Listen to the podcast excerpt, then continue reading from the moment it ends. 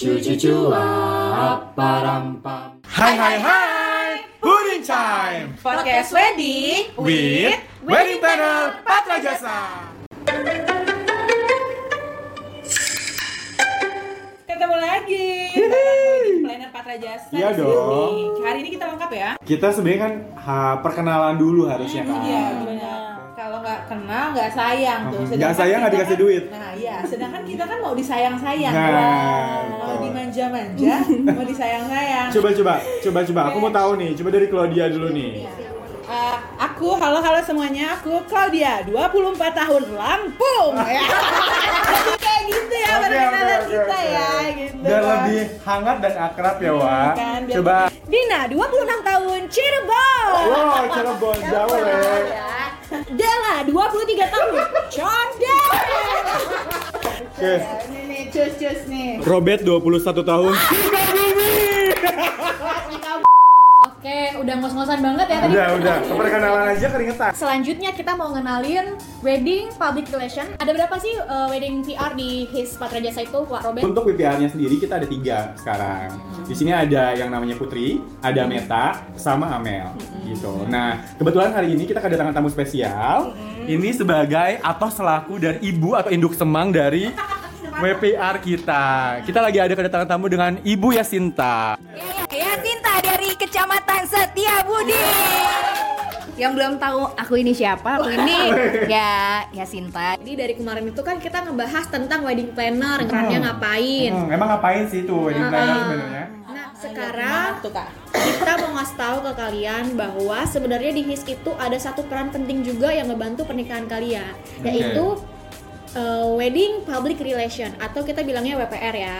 Aku mau tanya dong kak, eh, tugas dari WPR itu sel- selain mendinginkan klien, apa aja sih tugasnya kak? Jadi untuk tugas WPR itu yang pertama mereka itu cari klien-kliennya nih yang mau nikah di gedung Hes Patra Jasa buat calon pengantin yang mau nikah. Terus yang kedua mereka membantu proses administrasi klien-kliennya. Jadi setelah uh, di maintain sama WPR, lalu akan diserahkan data-data kliennya ke wedding planner. Jadi biar nggak ada miss antara WPR dan wedding planner kita. Bener ya, WPR dan WP itu emang tetap satu tim walaupun beda divisi ya kak Iya. Oke, selain ada kayak Sinta nih, teman-teman nih di sini ada Kak Diko nih. Kak Diko nggak nyaut nih. Eh, sayang. Eh, salah salah salah lagi. Nah, sekarang kita tanya perannya wedding planner itu ngapain ya? Kita panggil Kak Diko. Assalamualaikum, ini Diko MVP-nya Patra Jasa Wedding planner di HIS itu uh, Wedding planner ini kan jadi salah satu fasilitas yang dikasih HIS untuk klien-kliennya iya, benar banget. Jadi begitu klien pertama di link uh, Mereka udah dapat satu Langsung orang personal asisten Iya. Itu udah mulai uh, melakukan pendampingan Melakukan riset uh, konsep pengantin kayak gimana Terus diarahin juga pengantinnya untuk uh, nentuin vendor, nentuin persiapannya, semuanya pokoknya dibantuin. Jadi satu wedding planner ini akan menghandle satu pengantin itu dari awal booking dari tahap persiapan, catering, dekor, rias busana, MC, fotografi semuanya, sampai rundown juga disiapin, dibikinin, dibantu juga untuk proses pembentukan uh, panitia keluarga. Nanti di hari H itu acaranya uh, wedding planner ini sebagai tim leader dari 10 orang WE yang masuk ke dalam komplimennya dari HIS. Oke, WE itu apa? WE itu wedding executor pembahasannya kita akan bahas nanti. Episode Oke. episode berikutnya. Kak Diko, panjang. selain dari proses persiapan acara, kita tuh berperan nggak sih kak dari sebelum klien itu booking? dari sebelum klien booking. Iya. Eh, klien booking itu kan prosesnya pertama ketemu sama web WPR dulu. WPR ini akan jelasin eh, penjelasan soal paket, fasilitas yang didapat dan di situ untuk peran WP itu akan masuk di situ untuk jelasin eh, servisnya juga. Jadi di luar dari fasilitas itu wedding planner nanti akan bantu untuk proses penyambutan, untuk servis di awal wedding planner itu kayak gimana.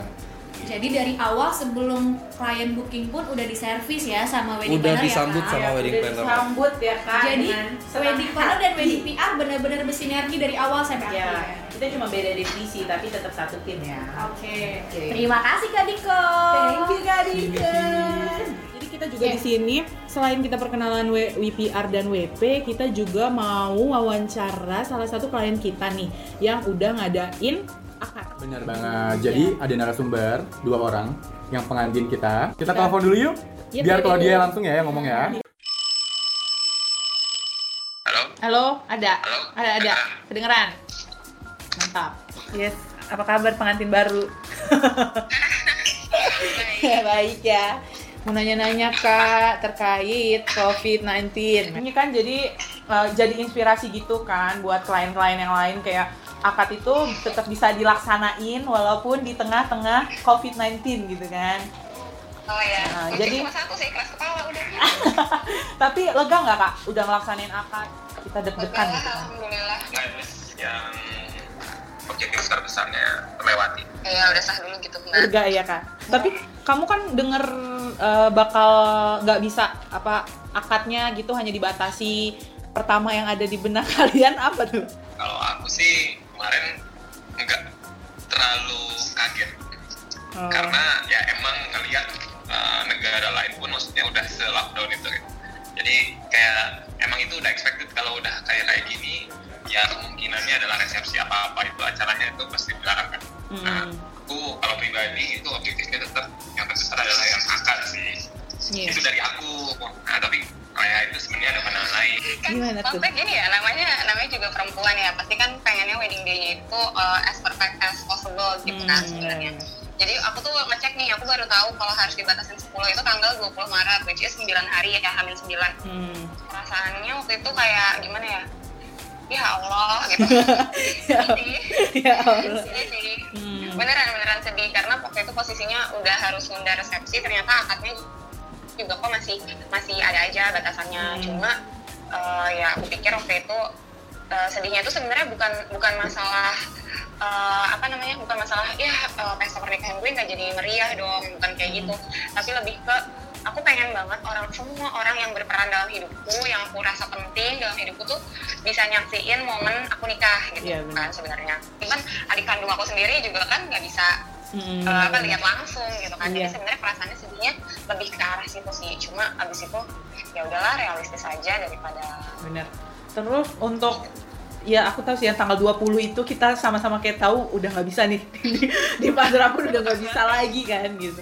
Langkah awal kamu pertamanya apa tuh kak? langkah aku nangis dong kayak Enggak, aku denger pingsan kan. Aduh aku lemes, aku lemes. saya tahu aku tuh udah kayak mau pingsan banget itu kan malam-malam ya ya itu aku lagi kayak duduk gitu loh di lantai terus aku kenapa kenapa jadi Gitu intinya kan. langkah pertama adalah eh, nangis ya langkah pertama nanya. ya tapi terus langkah kedua adalah eh, make up mind gitu. Sebenarnya aku pengennya kayak gimana sih gitu. Karena eh, Berubah mindset mbak. waktu itu aku um, teleponan sama Mbak Yasinta juga sama Mbak Claudia juga. Aku uh, udah ambil keputusan nih. Pokoknya aku minta tolong kalau bisa tolong bantu cari tempat lain.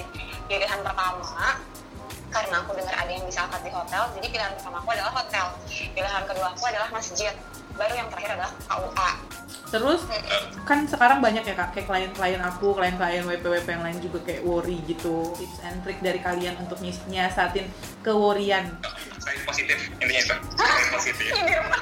Saya positif karena kita melakukan hal uh, ibadah maksudnya. Itu yang pertama kedua uh, calon-calon pengantin di sana. Coba jangan terlalu ego cukup untuk nyukapulnya dulu lah. At least kita bisa menyelamatkan orang-orang juga gitu maksudnya. Iya, banyak karena hal-hal positifnya di sana. Jadi maksud aku tadi ya mas kayak positif. Mudah-mudahan dapat pahalanya lah. Terus apa ya pokoknya maksudnya gini kan tadi supaya oh, pengantin-pengantin yang lain gimana sih mengatasi worry-nya Hmm. gitu ya nggak Iya. itu tadi benar sih poin pertama stay positif.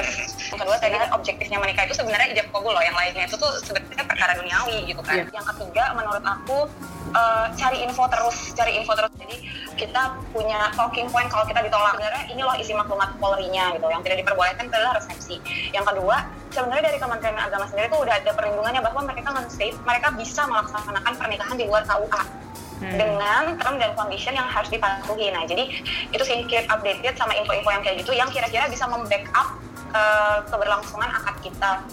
Uh, yang terakhir apa ya?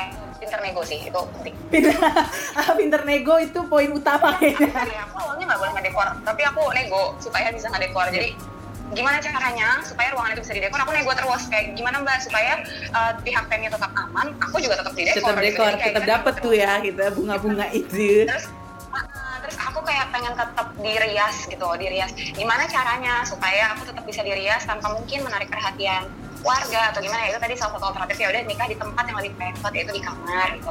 Terus kayak aku tetap mau ada fotografer sama videografer aku nego. Aku tetap mau dapat foto-foto yang bagus. Aku nego sama pihak hotel. Boleh dong aku foto-foto di hotel tapi di daerah yang tapi di realistik juga kalau misalnya mereka punya apa punya poin yang nggak bisa nggak bisa jangan kayak gitu mbak. Ya Hmm. udah kita juga harus terima kuncinya itu cuma satu sih harus ada harus ada yang keras kepala dan harus ada yang realistis kalau sesuatu hal yang nggak bisa dinego jangan dinego lah intinya gitu misalnya Siap siap. Terus yang terakhir eh, doanya nih kak buat keadaan ini untuk eh, Indonesia dan para calon pengantin. Gitu. ya semoga ini mungkin ya eh, nggak hanya kita aja sih semua orang juga berharap yang sama Hmm. semoga wabah corona ini cepat eh, usai nggak hanya di Indonesia tapi di seluruh dunia Ya amin. amin. ekonomi membaik lagi semuanya terus juga untuk calon-calon pengantin uh, keep fighting stay positif insya Allah nanti berjalan lancar Menurut aku yang untuk Indonesia secara keseluruhan buat dunia juga sih ya semua orang pasti berharap wabah corona ini cepat berakhir.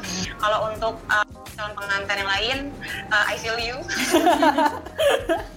I do really feel you. Uh, cuma bener tadi ya stay positif, stay ikhtiar. Iya. Kalau nggak bisa tidur ya udahlah terima. Tidur tidur dimerem-meremin aja gitu.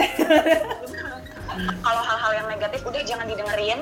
Jangan orang lain mau mau bilang apa tentang pernikahan kalian udah nggak usah didengerin. Eh, percaya. Lagi-lagi baik lagi percaya kalau niat baik pasti ditolong sama Allah. Contohnya kayak tiba-tiba kok ada Mbak Claudia ada Mbak Yasinta ada Mbak Anggi dari Afnan itu kayak Mbak Mirza Brasika semua kayak siap bantu. Talina siap-siap aja bantu. Ntar aku dengar orang lain dekornya ngensor ya susananya enggak gitu kan ya alhamdulillah banget Ini honeymoonnya jadi ditunda juga ya kak? di rumah aja Di rumah aja. Bener, tetap di rumah aja. Mantap.